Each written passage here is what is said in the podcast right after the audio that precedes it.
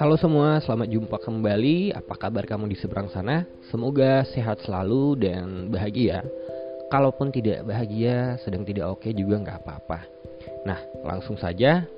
Kali ini aku akan membahas buku Carl Sagan berjudul Kosmos, salah satu magnum magnum opus ya untuk kita bicara kosmologi. Jadi masih sama dengan tema kemarin yaitu tema tentang kosmologi. Dalam orasi ilmiah Karlina Supeli di Nurholis Majid Memorial Lecture, ia memang membedakan antara kosmos dengan huruf kecil K dengan huruf kecil dan kosmos dengan huruf besar.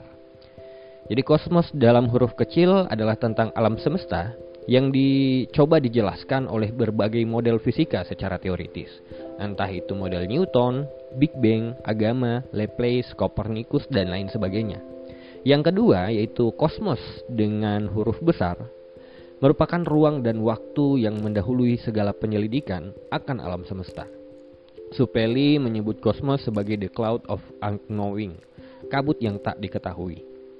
Dalam buku Kosmos, Carl Sagan, kosmos sendiri diartikan sebagai segala yang ada dan segala yang pernah ada dan akan ada. Jadi kosmos adalah sesuatu yang pernah terjadi di masa lalu yang pernah ada hari ini dan akan ada di masa depan. Tapi pertanyaan kemudian muncul, kapankah kosmos itu ada? Kita nggak tahu dengan pasti sih. Tapi teori terbaik sejauh ini, alam raya ya memang sudah ada sejak 13 miliar tahun yang lalu. Bumi sendiri baru muncul sekitar 4 miliar tahun dan spesies manusia hadir 70 ribu tahun belakangan. Spesies manusia ini bolehlah kita sebut Homo sapiens ya. Kita bisa menganalogikannya begini. Bila alam semesta baru tercipta kemarin, maka bumi baru saja muncul tujuh jam lalu. Manusia tercipta satu menit sebelum saat ini, sedangkan revolusi industri terjadi dua detik tadi. Ada dua hal yang mengusik rasa penasaranku, kata Immanuel Kant. Langit di atas atap kita dan sesuatu di dalam diri kita. Immanuel Kant menulis itu di batu nisannya sendiri. Manusia memang gampang terpesona oleh misteri, angkasa yang bak permadani gelap pekat di atas sana selalu merayu nenek moyang kita untuk menafsirkannya dengan berbagai cara. Lalu umat manusia mengembangkan ilmu perbintangan atau kita kenal dengan astrologi.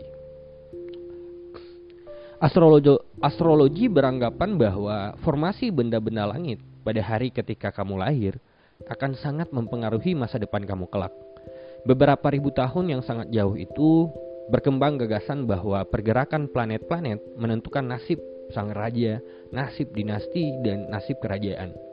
Para ahli astrologi mempelajari pergerakan planet dan bertanya kepada diri sendiri apa yang terjadi. Seolah pergerakan langit akan mempengaruhi takdir manusia. Uh, pekerjaan ini yaitu menjadi seorang astrolog berisiko dan memerlukan ketajaman pengamatan.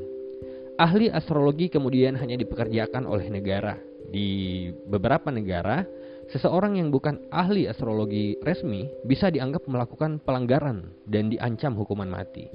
Ahli astrologi istana Tiongkok yang ramalannya tidak akurat akan dihukum mati. Ahli astrologi lain mengubah catatannya sehingga nantinya akan sesuai dengan kejadian yang mereka amati itu. Jadi untuk menyelamatkan diri, mereka diam-diam mengubah catatan soal apa ya tafsir mereka terhadap pergerakan langit gitu. Astrologi berkembang menjadi kombinasi aneh antara observasi, matematika, dan penyimpangan catatan secara cermat dengan jalan pemikiran yang kabur dan penipuan untuk memperkuat keyakinan. Namun, apabila planet bisa menentukan nasib suatu bangsa, apa iya planet dapat mempengaruhi apa yang akan terjadi kepada nasib aku? nasib kamu atau nasib orang lain selain kita. Gagasan mengenai astrologi perorangan berkembang di Alexandria, Mesir, lalu menyebar ke dunia Yunani dan Romawi sekitar 2000 tahun yang sudah silam. Kini kita dapat mengenali warisan astrologi di kata-kata seperti disaster misalnya, bahasa Inggris dari bencana, yang merupakan kata bahasa Yunani untuk bintang buruk. Influenza, kata bahasa bahasa Italia untuk pengaruh bintang atau mazel tov. Kata bahasa Yahudi untuk rasi baik atau kata yidin slamazel merujuk kepada orang yang dirundung malang. yang lagi-lagi dapat dilacak sampai ke kosakata astronomi bahasa Babilonia. Jadi uh, hubungan manusia dengan bintang yang ada di atas kita, hubungan nenek moyang kita dengan bintang-bintang yang ada di atas kita, itu adalah hubungan yang panjang ya. Maksudnya saling itu apa kehadiran bintang-bintang itu sangat mempengaruhi bagaimana cara kita berbahasa, bagaimana cara kita melihat dunia. Astrologi perorangan masih ada hingga sekarang. Kita bisa membuka internet lalu mencari ratusan situs yang akan senang hati memberi ramalan zodiak kepada kamu. Anggap kamu berbintang Taurus nih. Menurut pakar astrologi situs A, kompromi akan meredakan ketegangan. Mungkin uh, ramalan itu bermanfaat, tapi agak samar-samar. Sedangkan menurut pakar dari situs B, kamu harus menantang diri sendiri. Suatu peringatan yang tak jelas tapi berbeda. Jadi ramalan-ramalan itu bukanlah ramalan sesungguhnya, melainkan hanya nasihat. Ramalan itu memberitahu apa yang harus kamu lakukan, bukan apa yang akan terjadi. Ramalan zodiak itu sengaja menggunakan bahasa umum supaya bisa berlaku kepada siapa saja. Katakanlah misalnya ramalan tentang Taurus tadi itu kita ganti dengan Pisces misalnya. Kompromi akan meredakan ketegangan. Kita juga akan merasa oh ini membicarakan tentang kita. Ramalan ini membicarakan tentang kita gitu. Jadi sampai sekarang orang-orang yang percaya terhadap zodiak itu masih meneruskan tradisi nenek moyang kita ya, yang percaya bahwa pergerakan langit itu akan mempengaruhi kita. Um, ramalan zodiak itu sengaja ya memang menggunakan bahasa umum supaya kita langsung gampang memahami dan masuk di dalam apa yang dibicarakan oleh ramalan tersebut. Zodiak sendiri berakar dari bahasa Yunani, zoo, yang artinya binatang. Jadi karena itulah rasi-rasi zodiak kerap digambarkan dalam bentuk binatang, misalnya Taurus, Scorpio, Leo, Sagittarius, Aries, Capricorn, Cancer, dan Pisces. Nah, bicara soal rasi bintang, ada yang menarik dengan bendera nasional negara-negara di planet kita. Bendera Amerika Serikat punya 50 bintang. Uni Soviet dan Israel masing-masing punya satu bintang. Burma 14 bintang, Grenada dan Venezuela 7 bintang, Tiongkok 5 bintang, Irak 3 bintang, Jepang, Uruguay, Malawi, Bangladesh dan Taiwan itu benderanya ada matahari. Brazil itu benderanya bola langit gitu ya. Australia, Samoa Barat, Selandia Baru dan Papua Nugini benderanya itu adalah rasi salib selatan. Bhutan itu simbol bumi, Kamboja adalah simbol dari Observatorium Astronomi Angkor Wat. India, Korsel dan Republik Rakyat Mongolia punya bendera yang menyimbolkan kosmologi. Banyak negara sosialis menampilkan bintang di benderanya. Banyak negara Islam menampilkan bulan sabit. Hampir setengah dari semua bendera nasional menampilkan lambang-lambang astronomi. Fenomena ini lintas budaya dan juga non-sektarian dan mendunia. Hal ini juga tak terbatas pada zaman kita. Segel silinder bangsa Sumeria dari milenium ketiga sebelum Masehi dan bendera Taoisme pada masa pra-revolusi Tiongkok menampilkan rasi. Tak diragukan lagi bahwa bangsa-bangsa tersebut berharap menyerap semacam kekuatan dan kredibilitas dari langit. Jadi selain planet dan bintang-bintang, nenek moyang kita juga tertarik dengan gerakan komet-komet. Dahulu muncul gagasan bahwa komet adalah pertanda terjadinya bencana. Bumi merupakan alamat kemarahan langit, bahwa komet meramalkan kematian raja dan runtuhnya kerajaan. Bangsa Babilonia mengira komet adalah jenggot langit, bangsa Yunani menganggapnya rambut yang terurai. Sedangkan bangsa Arab menganggapnya pedang yang menyala-nyala. Pada zaman Ptolemeus, Ptolemeus, pada zaman Ptolemeus, komet-komet dikelompokkan menjadi sinar, terompet, teko, dan lain-lain sesuai bentuknya. Ptolemeus menyangka komet menyebabkan perang, cuaca panas, dan malapetaka lain. Penggambaran komet pada abad pertengahan menyerupai salib terbang.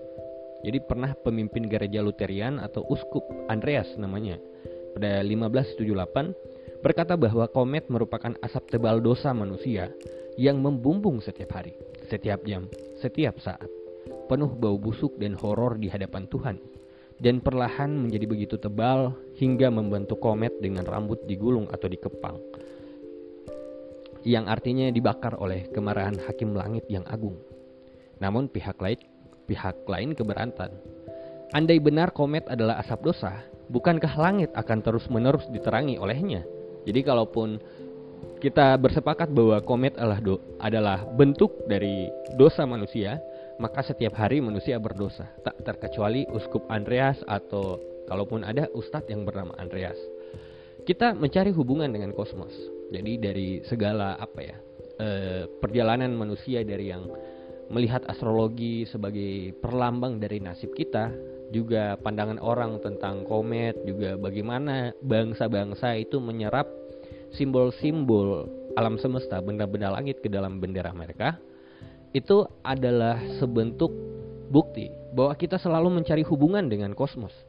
Kita ingin terlibat dalam tatanan agung, dan rupanya kita memang terkait bukan dalam hal remeh-temeh dan perorangan tanpa fantasi yang pura-pura dirasakan ahli astrologi, melainkan dalam hal yang paling mendalam, yang melibatkan asal-usul zat, kelayak hunian bumi, evolusi, dan takdir spesies manusia. Topik-topik yang akan banyak kita temukan sih di dalam buku Kosmos ini. Astrologi atau ilmu benda-benda langit berkembang dengan bantuan dukun dan pengamat yang seolah memiliki kekuatan supranatural tertentu. Kebutuhan untuk meyakini relasi antara nasib dan bintang merupakan kebutuhan purba. Usianya sangat lama. Begitupun para uskup yang mengaitkan komet dengan dosa. Kecenderungan mistik ini mulai bergeser berkat kontribusi Kopernikus yang menyeret konsep geosentrisme ke heliosentrisme dari awalnya pusat tata surya ala bumi ke matahari sebagai pusat tata surya. Modal Kopernikus menariknya hanyalah imajinasi dan di sana pun ia membuat kalkulasi matematis dari imajinasi tersebut gitu. Carlina Supeli menyebutnya dengan lompatan imajinasi. Uh, mungkin ini sedikit apa ya parafrase dari istilah Kierkegaard itu lompatan iman. Uh, nah, semangat Kopernikus lalu diwariskan kepada Kepler yang mulai mengobservasi pergerakan benda-benda langit lewat pendekatan ilmiah dan metodologis. Dan tak seperti spekulasi para dukun dan pemuka agama sebelumnya. Kepler lalu menandai akhir astrologi dan awal astrofisika. Jadi dahulunya langit itu hanya dilihat dengan pendekatan mitologis, dengan pendekatan apa ya, uh, dengan agak mistis gitu. Setelah Kopernikus sampai Kepler, langit tidak lagi tidak lagi dilihat dan dimitoskan, melainkan dilogoskan, dijadikan sebagai objek dari ilmu pengetahuan. Dari situ mulai bergeser, astrologi mulai menjadi astrofisika. Berkat kemajuan sains, umat manusia mulai berani mewujudkan dongeng menjadi kenyataan, mengaktualisasikan diri sebagai pengembara, bukan hanya di muka bumi, namun di lautan antariksa yang maha tak terbatas. Carl Sagan menyisipkan satu bab dengan judul yang sangat indah, Dongeng Para Pelancong. Pada abad ke-15 dan 16, kamu mungkin bisa melancong dari Spanyol ke Azores dalam beberapa hari saja – sama lamanya dengan waktu yang kita butuhkan sekarang untuk pergi ke bulan. Pada abad itu, butuh waktu beberapa bulan untuk menyeberangi Samudra Atlantik dan mencapai tempat bernama dunia baru. Hari ini kita kenal dunia baru itu dengan nama Amerika. Kita butuh waktu beberapa bulan untuk mengarungi lautan tata surya bagian dalam, lalu mendarat di Mars atau Venus. Dunia-dunia baru yang telah sejak lama menanti kita bertamu. Pada abad ke-17 dan abad ke-18, kamu dapat berpergian dari Belanda ke Tiongkok dalam waktu satu atau dua tahun. Waktu yang kini dibutuhkan Voyager untuk berpergian dari bumi ke Jupiter. Biaya tahunannya relatif lebih mahal dulu daripada sekarang. Mengembara memang merupakan sifat kita, sifat manusia. Kita memulai sebagai pengembara dan sekarang pun masih mengembara. Kita telah cukup lama hidup di tepian laut kosmos Akhirnya kita siap memulai pelayaran menuju bintang-bintang berjarak jutaan cahaya. Demikian uh, kata Carl Sagan. Jadi buku ini menarik ya. Bahkan untuk kamu yang mungkin nggak tertarik dengan astrofisika, karena dibungkus di packaging dengan bahasa yang sastrawi dan yang sangat prosaik gitu. Setidaknya kalau kita nggak ngerti si Sagan ngomong apa, menurutku ya setidaknya kita bisa menikmati dan menurutku cara terbaik untuk membicarakan kosmos memang adalah dengan gaya puitis. Uh, karena apa ya? Karena itu membantu kita untuk lebih takjub, lebih lebih apa ya? Lebih melihat alam semesta itu dengan perasaan yang penuh dengan keajaiban gitu. Sebelum astrofisika muncul dan manusia mulai menapakkan kaki di bulan, terdapat lima planet yang sudah sejak lama dikenali nenek moyang kita dengan mata telanjang. Ada Merkurius, Venus, Mars, Jupiter, dan Saturnus. Planet-planet itu diberi nama nama dari dewa Yunani.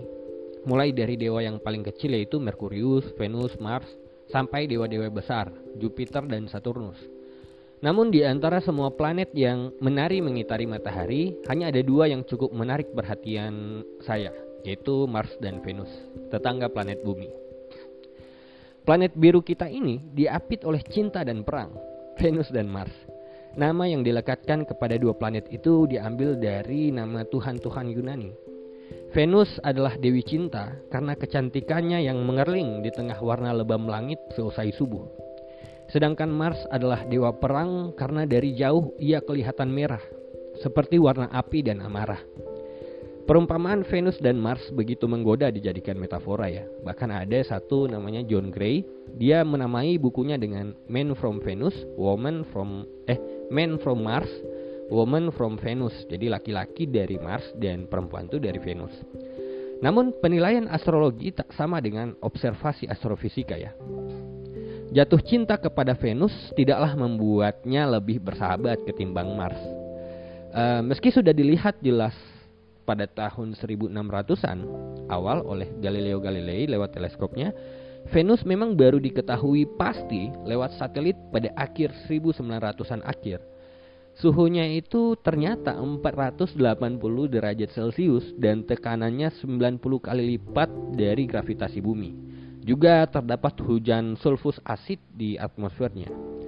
Dengan suhu yang sangat panas, tekanan yang menghimpit, gas-gas berbahaya dan segala sesuatunya yang diliputi pendaran cerah kemerahan yang asing, Venus tak akan lagi kita sebut Dewi Cinta, tapi malah tampak sebagai neraka.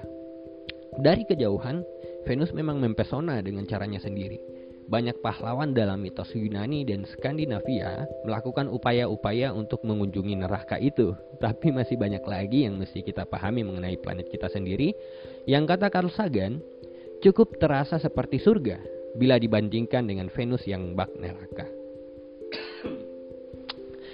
Pelayaran kita masih akan pelayaran kita masih akan terus berlanjut menjauh ke planet yang dikelilingi sabuk gas raksasa, yaitu Jupiter. Ilmuwan kita telah mengirim satelit untuk mengintai apa gerangan yang terjadi pada planet tersebut. Pada hari ke-600, teramati bahwa pola-pola awan tampak jelas dan indah di Jupiter. Awan gemawan itu sedikit mengingatkan kita akan lukisan Night Van Gogh, lukisan-lukisan William Blake, dan Edvard Munch. Van Gogh pernah mencatat, saya punya kebutuhan serius akan agama, maka saya pun keluar malam-malam dan melukis bintang-bintang. Kebutuhan yang kuat akan spiritualitas dan korelasinya dengan kosmos yang misterius sekaligus menawan merupakan sesuatu yang sering dialami oleh siapa saja, bahkan fisikawan sekalipun. Agama dan Tuhan bagi Einstein adalah pengalaman estetik yang ia rasakan ketika terpesona pada kosmos. Demikianlah pengembaraan sains di dalam kosmos yang selalu menjelma sebagai malam abadi. Meminjam ungkapan Taleb, sains memiliki kesimpulan yang menawan namun lewat proses yang penuh jerih payah. Pengembaraan sains yang jerih itu belumlah usai. Kita mesti merawat cara berpikir ilmiah agar tak tergusur musuh lama, tahayul. Sains memang bisa disalahgunakan. Sains hanyalah alat, tapi sejauh ini sains adalah alat terbaik yang kita miliki yang mengoreksi diri sendiri, berlanjut, dan bisa diterapkan di segala hal. Sains punya dua aturan menurut Carl Sagan. Pertama, tak ada namanya kebenaran sakral. Semua asumsi harus diuji dengan kritis. Dan kedua, apa pun yang tidak konsisten dengan fakta mesti dibuang atau direvisi. Kita mestilah memahami kosmos sebagaimana adanya dan tidak mencampur adukan antara bagaimana sejatinya dengan apa yang kita harapkan. Yang tampak jelas terkadang keliru, yang tak diduga-duga kadang-kadang bisa benar. Oke, uh, sekian itu saja sih menurutku soal Kosmos Carl Sagan. Menurutku kamu harus baca kalau belum baca. Ini buku yang sangat indah, bukan hanya karena dia mengandung um, kebenaran atau pengetahuan saintifik tapi memang indah secara harfiah ya dalam artian sangat prosaik dan sangat sangat sangat indah ini ini buku ini dalam beberapa hal aku pikir adalah puisi atau prosa aja gitu oke terima kasih karena sudah menyimak sampai di sini. Uh, selamat berjumpa lagi di waktu dan ruang yang lain. Bye bye